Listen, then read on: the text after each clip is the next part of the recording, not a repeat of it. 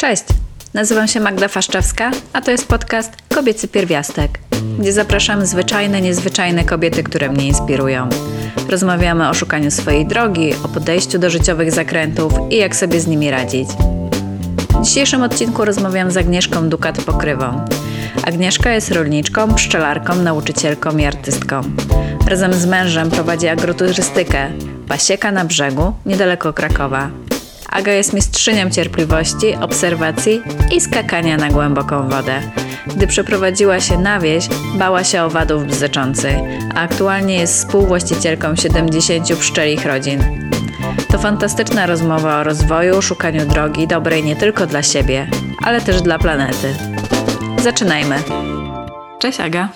Cześć Magda.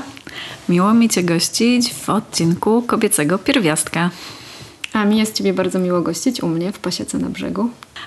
Dobrze, w takim razie zacznijmy. Jakbyś mogła opowiedzieć naszym słuchaczom i słuchaczkom, kim jesteś, czym się zajmujesz i jak się znalazłaś w tym miejscu, w którym jesteś? E, mam na imię Agnieszka. Teraz jestem obecnie rolnikiem, pszczelarką, nauczycielką, mamą, żoną i artystką. Dużo ról. A w tym miejscu jestem, tak się życie ułożyło. E, I próbowałam wykorzystać te wszystkie szanse i możliwości, które mam. Więc mieszkam na wsi i postanowiłam wykorzystać to miejsce do tego, żeby robić coś fajnego dla siebie, dla tego miejsca i dla przyrody. To jak trafiłaś na tą wieś? Wyszłam za mąż. po prostu i tutaj się przeprowadziłam z miasta. I na początku żyłam tak jak w mieście, ale przyszedł taki moment, że stwierdziliśmy razem z mężem, że chcemy coś tutaj jednak robić, żeby to nie leżało odłogiem ta ziemia, żeby się coś działo, żebyśmy mieli co robić. Co to znaczy, że żyłaś jak w mieście? No to znaczy, że jakby nie interesowałam się bardzo tym, co się tu dzieje dookoła tą wsią, tak? Lubiłam swoje, wychodziłam, mieszkałam tutaj, ale korzystałam tego tak jak w mieście, czyli przychodziłam, na przykład sobie posiedziałam na zewnątrz, wypiłam kawę, a potem w domu. W momencie, kiedy się przeprowadzałaś e, na wieś, czym się zajmowałaś zawodowo? Wtedy pracowałam jako grafik w Staromiejskim Centrum Kultury i Młodzieży w Krakowie w dziale marketingu. Jak wyszłam za mąż, to tam jeszcze pracowałam, a potem po ślubie zrezygnowałam, ponieważ e, nie chciałam tam dojeżdżać, bo to za dużo czasu zajmowało. I założyłam własną działalność i pracowałam na zlecenia. Okej, okay, czyli byłaś fr freelancerką. Przez jakiś czas. Pamiętasz, co myślałaś przed przeprowadzką? Bo mówiłaś, że jesteś z bloku w Krakowie. To jednak chyba dosyć duża zmiana przeprowadzić się do domu na wsi. Z jednej strony była to duża zmiana, z drugiej nie, ponieważ całe życie jeździłam na wieś. Moi rodzice mieli domek taki letniskowy, więc ja właściwie spędzałam sporo czasu i weekendy, i wakacje na wsi. No ale mieszkanie tutaj to jednak zdecydowanie inne życie. W Krakowie miałam wszędzie blisko, wszędzie miałam komunikację miejską, tutaj nie miałam. I trzeba było się do tego jakoś przystosować. Czy miałam jakieś oczekiwania? Nie wiem, już teraz nie pamiętam. Chyba nie, no cieszyłam się, że będę mieszkała na wsi, będę mogła mieć swój ogród. Jakbyś mogła powiedzieć, jak do tego doszło, że zostałaś pszczelarką? Droga była kręta, ponieważ ja, pamiętam z dzieciństwa, zawsze bałam się owadów, a już bzy, bzyczących to najbardziej. Nawet już tutaj mieszkając, w sąsiedniej, znajomy ma pszczoły, jeździłam do niego po miód i on mówi do mnie, to chodź, ja ci pokażę pasiekę pszczół. Ja mówię, nie, nigdzie nie idę, ja się tak boję, że nie, ja tam nie pójdę. I marzeniem moim zawsze było mieć własny ogród. E, zaczęłam to marzenie powoli spełniać, ale to było bardzo frustrujące, ponieważ wymagało dużo pracy. Efekty były na początku bardzo marne, bo co ja mogłam sama zrobić, skop skopać kawałeczek. Te wszystkie rośliny były drogie, to też jakoś tak, no nie było na to pieniędzy. Ale powolutku, powolutku, po kawałeczku sadziłam, robiłam i w którymś momencie przyszła myśl, że chcemy zrobić coś więcej. Nie? I pierwsze pojawiły się borówki, a potem na pomysł przyszła mi wpadł mój tata. Znaczy mi gdzieś przez głowę przeleciał kiedyś ten pomysł, ale sobie myślę, nie, no nie, gdzie ja? Nie, nie, nie, nie, nie, dobra, nie, nie. I któregoś dnia tata przyszedł i mówi, a może, czy ja mógłbym mieć tutaj u was pszczoły? czy ty byś mi nie pomogła? Ja mówię, no dobra, no to spróbujmy. Nie wiedzieliśmy nic, ani ja, ani mój tata o pszczołach. Nie mieliśmy żadnych tradycji rodzinnych, nic a nic. I mieliśmy zacząć od trzech uli. Taki był start, dobrze, trzy rodziny kupimy, nauczymy się. Ale dostaliśmy ofertę kupna pasieki całej. 12, 12 rodzin, ponieważ starszy pan, 90-letni pszczelarz zmarł zimą i rodzina postanowiła sprzedać całą pasiekę. No oczywiście, no co przecież my tyle wiemy, co nic nie wiemy, to weźmiemy całą pasiekę. I zaczęła się przygoda. Na szczęście nie poddaliśmy się i do dzisiaj mamy pszczoły. Zaczynaliśmy od tych 12 rodzin, teraz mamy chyba około 70. O wow. Ale tak się złożyło, że zaczęłam ja z tatą, a tak naprawdę to teraz więcej robi Krzysiek. Czyli twój mąż. Tak, mój mąż, a ja bardziej teraz ogarniam wszystko dookoła. Możesz powiedzieć, czym jest wszystko dookoła? Wszystko dookoła to są e, warsztaty, e, ogród, no i też mu pomagam. A jakie warsztaty? Warsztaty pszczelarskie dla dzieci e, i dla młodzieży, i także dla dorosłych. Czego można się dowiedzieć na takich warsztatach? Można zobaczyć, poznać, popatrzeć, jak żyją pszczoły, jak pracują, czym zajmuje się pszczelarz i można zrobić coś fajnego, jak na przykład hotele dla dzikich pszczół, e, czy zielnik, e, czy tabliczki woskowe zapachowe, albo upiec pod płomyki i zjeść je z miodem. No i oczywiście spróbować miodu, to przede wszystkim. Opowiadając o zakupie pasieki, brzmi to dosyć prosto, mimo że dla mnie trochę przerażająco, bo mówisz, że nic nie wiedzieliście i tak mm, kupimy jakieś ule. W jaki sposób podchodzisz do zmian? Bo brzmi, że w twoim życiu się dużo działo. Wcześniej pracowałaś w Krakowie, potem byłaś freelancerką, potem właśnie zaczęłaś przygodę z borówkami. Skąd w ogóle pomysły, żeby sobie komplikować życie? Bo to chyba trochę jest komplikowanie, szczególnie jak się wie bardzo mało o czymś. To wynika chyba z jakiegoś takiego wewnętrznego pędu albo chęci poznania czegoś nowego, sprawdzenia się może nawet, tak? Czy ja dam radę. Gdzieś to tam się też do mojej wizji życia na tej wsi sielskiej, anielskiej składało. Jakoś tak to pojawiło się, tak? Jak jest ogród, jest y, kawał ziemi, zróbmy coś na tej ziemi. Padło na borówki, ponieważ moja mama miała kiedyś borówki, y, pięknie jej rosły, wiele przy nich nie robiła, ale miała ich pięć czy sześć krzewów. A my stwierdziliśmy, że zaczniemy i zrobiliśmy, posadziliśmy chyba pierwsze 500. Widzę jakąś pewną tendencję co do bardzo szybkiego wzrostu liczb od tego, co jest tak, tak, od na małego, początku. Tak, tak, nie, nie, no właśnie i jakoś tak potem się to, tak gdzieś sobie coś wymyśliłam, tak, te krzewy borówki, potem stwierdziliśmy, że pszczoły będą zapylać, nie doczytaliśmy, że to tak naprawdę bardziej trzmiele zapylają, ale nasze pszczoły też się nauczyły. Jakby te, te wszystkie rzeczy tak ewoluowały, no to jak już te pszczoły zaczęliśmy robić, tak, coś tam już wiemy, coś się fajnego dzieje, to teraz można by to poopowiadać komuś, a że uczyłam w szkole, no to jakoś tak mi się połączyło y, pokazywanie tego świata, o którym ludzie zazwyczaj mało wiedzą, bo sama wiem, że mało wiedziałam, dopóki się nim nie zaczęłam interesować. I dzieleniem się tym miejscem, no bo tak szkoda, że tylko my z tego korzystamy. Wspomniałaś o swojej wizji na to mieszkanie tutaj. Mogłabyś rozwinąć, jak widzisz swoje miejsce tutaj? Jak przyszłam tutaj, to były pola tak naprawdę, ponieważ tutaj rodzina mojego męża no, uprawiała kiedyś i ziemniaki, i zboże, a my mieliśmy troszeczkę inną wizję. Chcieliśmy coś innego robić, ponieważ mój mąż miał niezbyt miłe wspomnienia z dzieciństwa związane z tą rolą, na której dużo się robiło, a tak naprawdę y, niewiele z tego było. Tak? Nie zarabiali na tym za wiele. To był taki dodatek, a my chcielibyśmy jakoś tak zrobić z tą ziemią, żeby ona na siebie zarabiała i na nas też trochę. Bo to by było fajne, żeby nie trzeba było dojeżdżać do pracy, tylko tutaj móc sobie żyć dzięki temu, co mamy dookoła. Ale samo to, żeby żyć z tego, to nie było takie fajne. I pracując z dziećmi, w ogóle mając własne dzieci i mając duży kontakt z ludźmi i lubiąc kontakt z ludźmi, stwierdziliśmy, żeby też dzielić się tym. Ale oczywiście, że do tego dochodzi taki dodatek ekologiczny, żeby tak dbać o tą ziemię, żeby ona dobrze się czuła i była przez nas dobrze traktowana i dzięki temu ona też będzie lepsze plony dla nas wydawać. A to jest też ważne w związku z tym, co teraz się dzieje, tak, że mamy te zmiany klimatu, na które my mamy wpływ jako ludzie, że wykorzystujemy bardzo tą ziemię, wyjaławiamy, a są możliwości i są na to sposoby, żeby móc żyć w zgodzie z tą ziemią i z niej korzystać, żebyśmy wszyscy z niej mogli korzystać teraz i nasze dzieci też. Nie? Już tak bardzo górnolotnie. Mam misję ratowania świata.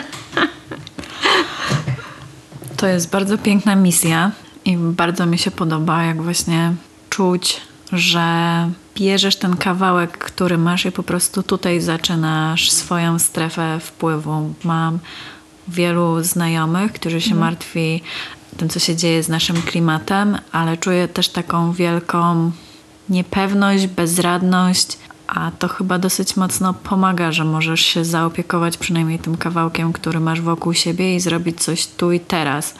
Chyba tak, bo ja też czuję taką bezradność, ale akurat właśnie mam tą możliwość, że coś mogę zrobić. Nie? Coś takiego, żeby móc to uratować w jakiś sposób, chociaż na dzisiaj. Ale też pokazać, że można z tym żyć, że to nie jest jakieś straszne, bo boimy się niby tej dzikiej przyrody, która już nie jest dziką przyrodą, bo mieszka z nami. Przez te wszystkie lata ja to obserwuję, my tu mamy naprawdę dużo zwierząt, które często do nas podchodzą i są sarny, i są lisy, i jeże, i ptaków mnóstwo. I one w jakiejś tu symbiozie wspólnej żyjemy, staramy się. Nieraz mieliśmy tak, że zaję, zające młode były u nas i w borówkach, i na ogrodzie. Sarny, no z nimi to tak mamy różne układy, ponieważ zjadają nie to, co byśmy chcieli, żeby zjadały. Ale to mnie cieszy, że ta dzika przyroda tutaj jest. Nie? I to jest super, że sobie możemy z nią współ, współpracować i ją obserwować. Wróćmy do tych pszczół, bo opowiadasz o tym, że po prostu macie ulę, pasiekę. Myślę, że wiele osób, tak jak ja, nie ma zielonego pojęcia, co wchodzi w zakres obowiązków, kiedy masz pasiekę. Pszczelarz zajmuje się pszczołami, e, pozyskuje produkty pszczele z uli, takie jak przede wszystkim miód, pyłek, e, propolis, wosk. Musi też potem ten miód nalać do słoików, okleić. Zajmujemy się, no, zapomniałam, sprzedażą przede wszystkim też tych produktów pszczelich. E, Obserwujemy przyrodę, prowadzimy warsztaty, opowiadamy ludziom, którzy do nas przyjeżdżają i na warsztaty, i klientom, co tak naprawdę się z tymi pszczołami robi, jak my to robimy i co my tam robimy. Mówiłaś, że pszczoły to tak naprawdę zwierzęta hodowlane. W jaki sposób zapewniacie, żeby no właśnie one były hodowane w, we właściwych warunkach, nie robiąc im krzywdy? Uczymy się, czytamy, obserwujemy je, żeby tak dostosować tą naszą gospodarkę i to, co robimy, żeby one były zdrowe przede wszystkim i żeby przynosiły miód, żeby miały przede wszystkim pokarm i naszą taką ochronę, że my pilnujemy, że wszystko jest w porządku. Patrząc, po prostu obserwując, co się dzieje w przyrodzie i z nimi. Uczymy się ich. To jest tak naprawdę jak uczenie się drugiego człowieka, czy jak z psem, czy z kotem. No po prostu trzeba się nauczyć obserwować je i poznać ich zachowania. To jak one, co one robią i co one nam tym pokazują. Taki bardzo łatwy przykład jest, że otwieramy ul i wiemy, że nie ma w nim matki. Jest bardzo głośno. Normalnie pszczoły jakby krzyczały. Albo przychodzimy na pasiekę i wiemy, że nie możemy zaglądać do uli, ponieważ od razu w kapelusz dostajemy takie strzały. Pszczoły nas biją po kapelusz i wtedy wiemy, dobrze, to dzisiaj dziękujemy dziewczyny, przyjdziemy jutro. O wow, czyli tak trochę znacie już język pszczół. tak. Musimy się, znaczy musimy, no nie mamy wyjścia, my się go bardzo szybko nauczyliśmy, ponieważ one jakby no nie, nie odpuszczają, tak. Każdy błąd jest bardzo szybko wytykany nam przez pszczoły. W jaki sposób możesz podać jakiś przykład? No, jak źle je potraktujemy, czy niezbyt uważnie, no to zostajemy urządleni. Gdy nie zadbamy odpowiednio, potrafią pszczoły y, umrzeć. Tak też się zdarza. I zazwyczaj no to jest wina pszczelarza. Jeżeli nie dokarmimy na zimę dobrze, to padną z głodu. Jeżeli ich nie ocieplimy w odpowiednim momencie, padną z wychłodzenia. Więc Musimy naprawdę bardzo się starać, ale to tak jest, że popełnia się błędy. Niestety cały czas. Jednej rzeczy się nauczymy i zadbamy, a zapomnimy o jakiejś innej.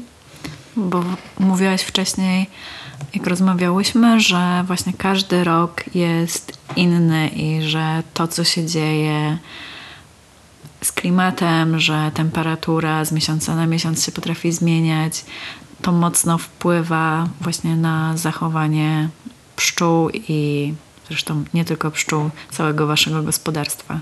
Tak, jak odkąd mamy pszczoły od 2014 roku, nie mieliśmy dwóch takich samych lat. Po pierwsze, y, pogoda jest różna, więc czasami pszczoły wcześniej zaczynają y, sezon, czasami później, to wszystko zależy od pogody. Mieliśmy rok taki 2018, gdzie było bardzo wcześnie, zaczęło się robić y, ciepło już w kwietniu i śmialiśmy się, że po prostu kwitło wszystko naraz. Bardzo szybko kwitło, w sumie rzeczy, które nie powinny się spotkać, spotkały się. Rzepak z akacją. I to cały czas musimy obserwować. I to jest ważne. I też ten 2018 był taki, że pszczoły na przykład przez cały rok pyłek nosiły, gdzie powinny mieć w zimie odpoczynek. A jak pszczoły nie odpoczywają, to co może się zdarzyć? To jest tak, że tak jak wszystko w przyrodzie powinno odpocząć, pszczoły także i królowa matka powinna przestać w zimie znosić jajeczka. Jeżeli je cały czas znosi, to pszczoły muszą utrzymać w ulu temperaturę 35 stopni. Przy temperaturze minus 2 na zewnątrz, czy nawet więcej, jest to bardzo trudne. Pszczoły potrzebują bardzo dużo energii, żeby utrzymać tą temperaturę, więc bardzo dużo pokarmu zjadają. Jak go zjedzą całego, w zimie już nie jesteśmy w stanie im podać pokarmu. Więc niestety mogą paść z głodu. Okej, czyli powiedziałeś, że jak pszczoły padają, to głównie jest wina pszczelarza, ale rozumiem, że w tym przypadku to jest też wina pogody. Czy myślę, że przyczyny zazwyczaj są złożone, tak? Ale właśnie staramy się przewidywać i patrzeć, co się będzie działo, jak ta pogoda wygląda, żeby zapobiegać temu, czemu możemy. Nie? Chyba na swoim Instagramie pisałaś, że bardzo dużo nauczyłaś się od przyrody z tych obserwacji i też słuchając ciebie nie brzmisz jak dziewczyna z blokowiska. Więc jestem ciekawa, co, co ta droga pomiędzy e, Agą, która siadała sobie na tarasie, piła kawkę i, i tyle i chciała mieć ogród, a Agą, którą jesteś teraz, czego się nauczyłaś i co się zmieniło w Twoim życiu? Przyroda zawsze była w moim życiu. Bardziej rośliny, które zawsze mnie fascynowały. Zwierzęta pojawiły się właśnie później, gdy musiałam je tutaj oswoić. Wszystkie owady, bzyczące, latające, kłujące, ogryzące i, i inne zwierzęta, gdy musiałam je po prostu tutaj najnormalniej w świecie się z nimi oswoić i zaczęły mnie fascynować. Ta obserwacja jest niesamowita. I to, co mi przede wszystkim pokazała, to to, że tak naprawdę nie wiemy, jaki mamy wpływ swoimi poczynaniami i działaniami na przyrodę i bardzo trudno jest wyciągnąć wnioski, bo one mogą być błędne. Ale cały czas się uczę i patrzę, co się dzieje, co robię i jakie to ma potem konsekwencje. Powiedziałeś, że wyciąganie wniosków może być czasem błędne. Masz jakiś przykład? Może też nasze działania przede wszystkim mogą być błędne. Jak właśnie e, chcieliśmy odstraszyć ptaki z naszej plantacji borówki. Odstraszyliśmy ptaki, ale niestety ściągnęliśmy szkodnika, czyli e, motylę, zwójkę, która zjada nam te nasze borówki. I nie wiedzieliśmy wcześniej o tym, że jeżeli tak zrobimy, to będą potem takie konsekwencje. Oczywiście mamy, to jest tak, że jest tych borówek trochę, ale nie jest to aż tak duża mono, monokultura, żeby szkodniki mogły się tak zwiedzieć i tutaj nam zniszczyć plantację. Ale to był nasz wpływ właśnie, że próbowaliśmy odstraszyć jedno, a sprowadziliśmy sobie coś innego. Tak. Teraz mamy ślimaki. Też nie wiemy, co będzie, bo pojawiły się ślimaki i jest ich mnóstwo, ale mamy już na, nie, na nich wro, wroga naturalnego. Kupimy kaczki. O wow, to w takim razie w taki sposób rozrasta się wasza farma. Oj tak. Ale wróćmy do właśnie rozrastania się. W jaki sposób poradziłaś sobie z tą nauką jak ogarnąć borówkową plantację albo od tego nie wiem nic o pszczelarstwie albo wiem bardzo mało. Mam nagle całą pasiekę, bo ja sama myślę, że byłabym przerażona, bo ja mam zazwyczaj taką strategię, że pomalutku, odrobinę i podziwiam Twoją odwagę, żeby tak rzucać się, ale wiem, że to też mimo wszystko zawsze idzie z jakimś kosztem i trzeba jakoś zaopiekować się sobą, żeby nie zwariować. Jak Tobie się to udało? Nie wiem. nie mam prostej odpowiedzi na to pytanie. Są rzeczy, które są ogarnięte i są rzeczy, które pozostają nieogarnięte. Kiedyś mnie ciocia moja zapytała, jak ja to ogarniam. Mówię, że no tak po prostu są rzeczy, które wiem, że jakieś priorytety są, co trzeba zrobić teraz, reszty możemy odpuścić, będziemy się tym zajmować później. Ale jakby z roku na rok też mm, śmieję się, że automatyzujemy, tak? Są pewne rzeczy, które wiemy, że musimy zrobić, wiemy, jak mamy je zrobić i jest łatwiej, jak już się wie, co trzeba zrobić. Tak, a ja się pytam o ten moment, kiedy wiedziałaś bardzo mało, a jednocześnie już byłaś gotowa na tą zmianę. No, po prostu jak mnie coś zafascynuje, to nie ma znaczenia. To po prostu idę, uczę się tego, sprawdzam, no i tak jakoś idzie potem do przodu. Wsiąkam w to po prostu. Bywa ci ciężko? Tak. I co wtedy? Czemu się nie poddajesz? Bo już za dużo zainwestowałam. Okej, to zaczynam rozumieć tą metodę. Dlaczego Siebie. trzeba wziąć tak dużo na siebie? A nie wiem, czy to jest dobra metoda. Chyba nie polecimy jej wszystkim, ale wygląda na to, że u ciebie działa. No, no chyba tak. Nie no, już tak dużo zostało zainwestowane czasu, wysiłku i też pieniędzy, że no ciężko by było teraz odpuścić. Albo jesteśmy też na takim etapie, że może to już jest ten etap, że zaraz gdzieś przeskoczymy, że przyjdzie ten moment, że to jednak zaskoczy, przeskoczy i to jakoś tak łatwiej będzie. Cały czas z taką nadzieją do tego podchodzimy.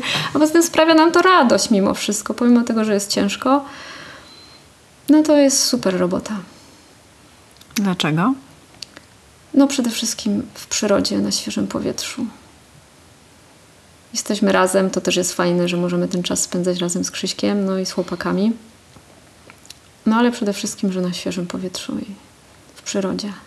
Myślę, że większość z nas musi pracować, ale możemy wybrać, jak chcemy pracować, i to jest taki sposób, w który ty jesteś szczęśliwsza. Myślę, że tak. Chociaż bywa ciężko, nie powiem, że nie, bo czasami wizja rozmija się z rzeczywistością. Możesz powiedzieć o tym więcej? No tak, bo to się tak wydaje, że to tak właśnie sielsko, anielsko będzie, że nam będzie wszystko rosło, będziemy zbierać owoce, a to nie jest takie proste i łatwe. Ale może też te wyzwania dają nam to, że się naprawdę dużo uczymy. I tak sobie myślę, że gdyby było sam pasmo sukcesów, no to chyba już by tak fajnie nie było. Bo ze wszystkim, co zaczynaliśmy, to tak było. Pierwszy rok z pszczołami, śmialiśmy się, że wtedy osiągnęliśmy najdroższy miód świata, bo nie wiem, czy żeśmy odwirowali 5 litrów miodu. Wątpię. A ponieważ mieliśmy takiego swojego mentora, nam mówił, żebyśmy się tylko nie zrażali. Będzie lepiej, będzie lepiej. To był naprawdę ciężki rok. Będzie lepiej. No więc dostaliśmy od razu po łapach i stwierdziliśmy, że potem no to już może tylko lepiej będzie. Ale też tak nie było. Był lepszy rok, gorszy rok. Ale teraz myślę, że jest, patrząc z perspektywy czasu, to z roku na rok jest lepiej. Ale nie jest łatwiej. Dlatego ja podziwiam, bo opowiadaj, że najpierw były borówki, potem była pasieka, teraz macie też jeszcze agroturystykę, chyba którą zaczęliście W 2020 w roku koronawirusa? Dokładnie, czyli to nie był łatwy rok. Nie. Więc widać, że macie taką potrzebę rozwoju i chyba utrudniania sobie życia. Też mówiłaś o tym, że chciałabyś, żeby to, co robicie, zarabiało na siebie i na Was, więc zastanawiam się, na ile ten rozwój jest takim rozwojem, którego potrzebujecie wykombinować coś nowego dla siebie, a na ile, żeby właśnie zbalansować te wszystkie wydatki. Wyszło z marzeń i wizji o tym, żebyśmy robili coś fajnego, a potem doszło do tego, że możemy na tym zacząć zarabiać. No i teraz musimy to zbalansować i tak naprawdę dojść do tego, co najlepiej dla nas działa. Mamy tego dużo, wiemy o tym. Jest to czasami trudne do ogarnięcia i na pewno czeka nas zatrudnienie kogoś do pomocy, bo sami nie jesteśmy w stanie już sobie dać z tym wszystkim rady, bo jest tego za dużo. Prawda jest taka, że no musimy dokonać wyboru, czym się zająć bardziej, a czym trochę mniej. Przy takiej ilości już zajęć.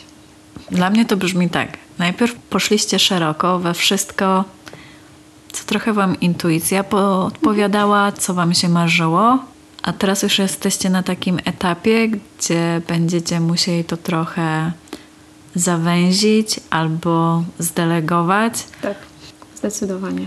Doba ma 24 godziny, nas jest dwoje, pomaga nam mój tato, no ale jeszcze mam przecież dom i, i, i synów, którymi też trzeba się zająć i też im poświęcić czas.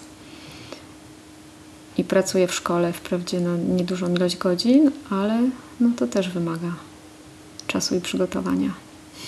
Nasza rozmowa jest trochę inna niż zazwyczaj przeprowadzam, bo skupiłyśmy się bardziej na Twoim gospodarstwie, ale też ciągle mnie intryguje. Wydajesz się mieć bardzo dużo zainteresowań. Nie odbierałaś z Dobczyc, z przystanku busa, na którym wysiadłam. To okazało się, że zrobiłaś kilka podyplomówek. Teraz wspominasz o tym, że właśnie uczysz w szkole, byłaś graficzką, freelancerką. Zastanawiam się, czy te wszystkie zainteresowania były właśnie jakąś formą testowania, w czym czujesz się najlepiej, czy to jest też taka jakaś wiedza, którą wykorzystujesz tu i teraz, albo korzystasz z tych umiejętności? Po co, generalnie pytanie jest proste. Po co ty to wszystko robiłaś i jak ty to teraz czytasz, e, patrząc na swoją przeszłość? Myślę, że na pewno jest to gdzieś szukanie swojej drogi, bo nigdy nie miałam jasno określonej, że będę robić w życiu to i tylko to. Jakby spróbowałam bardzo wielu różnych rzeczy, szukając tego swojego czegoś, a tak naprawdę jeszcze mam tak, że jak już coś poznam i, i stwierdzę, że no dobrze, już wiem, co miałam wiedzieć, to coś nowego, żeby mi się nie nudziło. Jako mi, no muszę robić coś, co gdzieś tam tą moją energię jest w stanie rozładować. No, mam dużo tych zainteresowań. One w sumie nawet się łączą czasami. Myślę, że mam za dużo tematów, ale teraz już pociągnę ten temat sztuki i może uda, uda, mi się potem to połączyć. W ogóle poznałyśmy się na warsztatach u Justyny Mazur, warsztatach graficznych. Ty uczysz w szkole czego? Plastyki. Właśnie. W domu masz też jakieś obrazy. Po co ci sztuka w życiu? Bo sztuka też zawsze była obecna i, i twórczość, i kreatywność w moim życiu. Byłam takim dzieckiem, które dużo malowało, rysowało, robiło dużo takich rzeczy. I to było zawsze dla mnie ważne. I nie potrafię bez tego żyć, a wróciło bardzo, bardzo, jak się pojawiły moje dzieci na świecie, ponieważ to był fajny sposób na spędzanie z nimi czasu i robienie czegoś wspólnie. I w związku z tym, że bardzo się tym zainteresowałam, no to pojawiła się taka możliwość, że mogłabym prowadzić warsztaty w szkole, więc podjęłam to wyzwanie. Oczywiście nie wiedząc, jak się pracuje w szkole z dziećmi. Miałam kontakt z dziećmi, ale nie z obcymi nie w szkole. Ale to jest szkoła Montessori, więc to jest też inna metoda, inny sposób pracy i nauki i okazało się, że pasuje tam. O, wow, to teraz jeszcze mi powiedz, co ty studiowałaś? Filozofię? Bardzo ciekawe, w jaki sposób rzeczy w twoim życiu się zdarzają i w jaki sposób masz wchodzenia w nowe pomysły, przygody. Zupełnie na przeciwieństwo mnie i podziwiam, bo brzmi przerażająco iść do szkoły, uczyć dzieci, kiedy się tego nie robiło poza swoimi.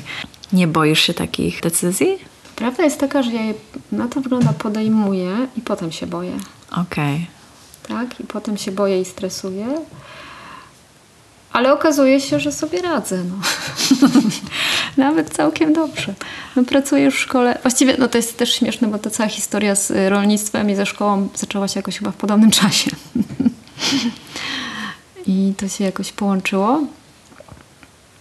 Ale to mi też sprawia bardzo dużą radochę. I to jest też taką, śmieję się, odskocznią od tego, co robię tutaj. Że mogę jednak stąd pójść i zrobić coś innego. Myślę, że to może być chyba ważne, bo mam takie przemyślenie dotyczące jakichkolwiek pasji, zainteresowań, że jeżeli skupiamy się na jednej rzeczy, to bardzo łatwo się wypalić, a kiedy mamy jakąś alternatywę, szczególnie z innego obszaru, to łatwiej doceniać się chociażby przez kontrę. Nie wiem, no u mnie jest tak, że no, gdzieś pojawiają się te różne rzeczy, które mnie w jakiś sposób pociągają i wzywają, więc poświęcam im czas. A jeszcze mam tak, że sobie to łączę z zainteresowaniami moich dzieci, albo ja ich zmuszam do pewnych rzeczy. To jakoś potem się fajnie, płynnie zgrywa i łączy. Dobrze, a masz jakiś sposób na ten stres, kiedy już, cię, już wiemy, że jednak ciebie też uderza? Kiedy się stresujesz czymś nowym, masz jakieś sposoby na to? Czy ja wiem? No denerwuję się i idę i robię. nie wiem, no mam stresa w domu, no. mam stresa, stresa, aż idę i zrobię. No. Nie wiem, nie zastanawiałam się nad tym, na pewno jakoś sobie z tym radzę, ale nie umiem powiedzieć jak. Dobrze, to jak będziesz wiedziała, to ponowimy e, tą, tą dyskusję. Podziwiam, jak potrafisz podejmować nowe wyzwania i opowiedzieć o nich, że no po prostu tak. Myślę, plantacja borówek, pasieka, warsztaty, praca w szkole. Brzmi jak dużo wyzwań. Na pewno słyszę to, że masz wsparcie w mężu, rodzinie. Tak. Był wspomniany mentor pszczelarstwa. Nie no, to jest zawsze tak, że szukam też ludzi, od których się możemy nauczyć i uczymy się. Poznajemy ludzi, tak? To jest też niesamowite, że dzięki pszczelarstwu poznaje się wiele ludzi, uczestniczymy w różnych wydarzeniach i tak naprawdę właśnie potem obserwujemy, wypytujemy tych, którzy osiągnęli jakiś tam sukces w pszczelarstwie, tak? Mają na przykład duże pasieki, produkują dosyć sporo miodu i to im wychodzi, więc podpytujemy, podglądamy i tak się uczymy. Zawsze jest ktoś, kto może pomóc. I to jest fajne, że no nie jest się samemu.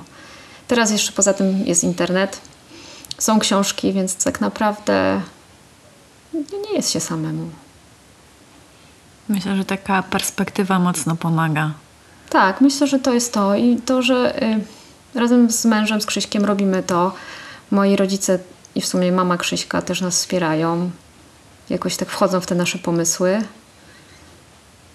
No nie, może nie zawsze są zadowoleni, no. ale, ale, ale nam pomagają i bez nich to byłoby nam na pewno ciężko. Mogłabyś powiedzieć, czego my możemy się nauczyć od natury i przenieść tak na grunt swojego życia?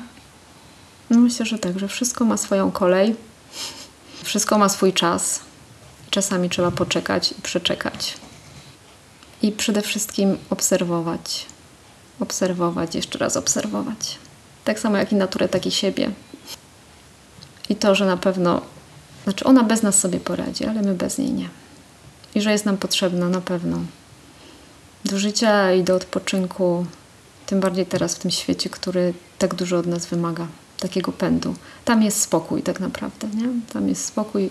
Wiemy, jest ta stałość, są cztery pory roku, może to się trochę zmienia, ale, ale mamy, tak? Są te cztery pory roku i, i po wiośnie zawsze jest lato, po lecie jesień, po jesieni zima i jest ten cykl. I myślę, że my też mamy swoje cykle i że możemy też tak żyć, ciesząc się i patrząc na to, co się dzieje dookoła. Bo bardzo często jest tak, że nie wiemy, co się zmienia, co się dzieje, co koło nas żyje.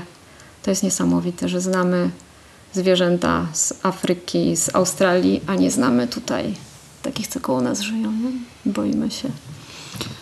Dobrze, to jest ten moment, kiedy Cię poproszę o nazwy owadów, którymi się dzisiaj ze mną podzieliłaś, bo jak oprowadzałaś mnie e, po swojej działce, to pokazywałaś hotel dla. Dla kogo? Dzikich owadów zapylających. Tak, i powiedziałaś, że ich jest w Polsce bardzo dużo. Tak, mamy około, różne źródła podają, 450 do 470 gatunków pszczół dzikich. To pszczoły, które mamy w, w pasiekach, to jest pszczoła miodna. Oczywiście tam też są różne odmiany tej pszczoły. Nie jest tak, że to jest jedna pszczoła, ale jest dużo samotnych pszczół. Dlaczego samotnych? Bo y, nie robią takich kolonii jak pszczoła.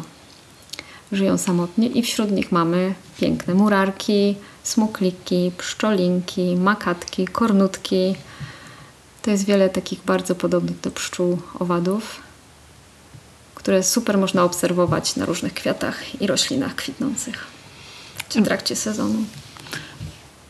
Po prostu ich nazwy, nie wiem, powodują we mnie jakieś taką, takie ciepłe uczucia. To są po prostu piękne słowa, ale powiedziałaś też, że jest bardzo mało osób, które się w ogóle zajmuje owadami i że one są dosyć podobne, więc ciężko jest też je rozróżnić. Są podobne, to prawda. Myślę, że to jest potrzebny czas. Mało jest źródeł też właśnie, bo szukałam jakichś atlasów. Nie ma tak wiele. Yy, I no też nie ma osób, nie wiem z czego to wynika. Ale jest to fascynujący świat, naprawdę. One są niesamowite. Przejdźmy zatem do polecanek. Ja trzymam bardzo kciuki, żeby było coś o pszczołach. Czy masz coś, książkę, serial, film, wydarzenie, którym byś się chciała podzielić z naszymi słuchaczkami i słuchaczami? Dwie książki o pszczołach. Jedna, która wprawdzie została wydana dla dzieci, ale myślę, że dorośli chcący się dowiedzieć coś o pszczołach znajdą tam wszystkie podstawowe informacje. To jest książka Pszczoły Piotra Sochy, wydana przez wydawnictwo Dwie Siostry. Jest przepięknie ilustrowana i naprawdę duża dawka wiedzy w piękny sposób. Druga książka to jest historia pszczół Mai Lunde.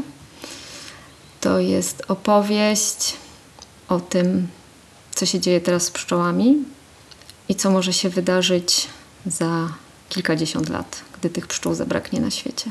To jest oczywiście powieść, więc to jest fikcja, ale bardzo powiązana z rzeczywistością. I polecam wszystkim do przeczytania, kto się interesuje światem pszczół i w ogóle losem pszczół. Jest na mojej liście, na pewno przeczytam. I może na koniec jeszcze, jakbyś mogła powiedzieć, właściwie zareklamować się. Taka krótka autoreklama. Można u nas odpocząć, spróbować dobrych miodów, kupić te miody, zobaczyć na żywo, jak żyją pszczoły, jak pracują i jak my z nimi pracujemy. U Was jest do wynajęcia, są pokoje, tak? Tak, mamy 8 miejsc noclegowych, dwa pokoje czteroosobowe z aneksem kuchennym, w pełni wyposażone, więc można sobie gotować. Mamy piękne tarasy, piękny ogród, w którym można spędzać czas. Salę dużą z piecem kamiennym, gdzie można upiec pizzę, chleb, zrobić grilla. Mówiłaś, że organizujesz czasami warsztaty. Gdzie można się o nich dowiedzieć? Informacja o warsztatach jest na naszej stronie internetowej www.pasiekanabrzegu.pl i można zadzwonić, zarezerwować. Przyjmujemy zorganizowane grupy, dzieci, młodzież, także seniorów, no dorosłych też. No właśnie miałam się pytać, czy muszę być seniorem. Nie, nie, dorosłych też. Okej, czyli jak znajdę sobie grupę, która by miała ochotę wpaść na warsztaty, to mogę dzwonić. Myślę, że tak. Super, bardzo dziękuję Ci za rozmowę. Ja też bardzo dziękuję. Do usłyszenia. Do usłyszenia.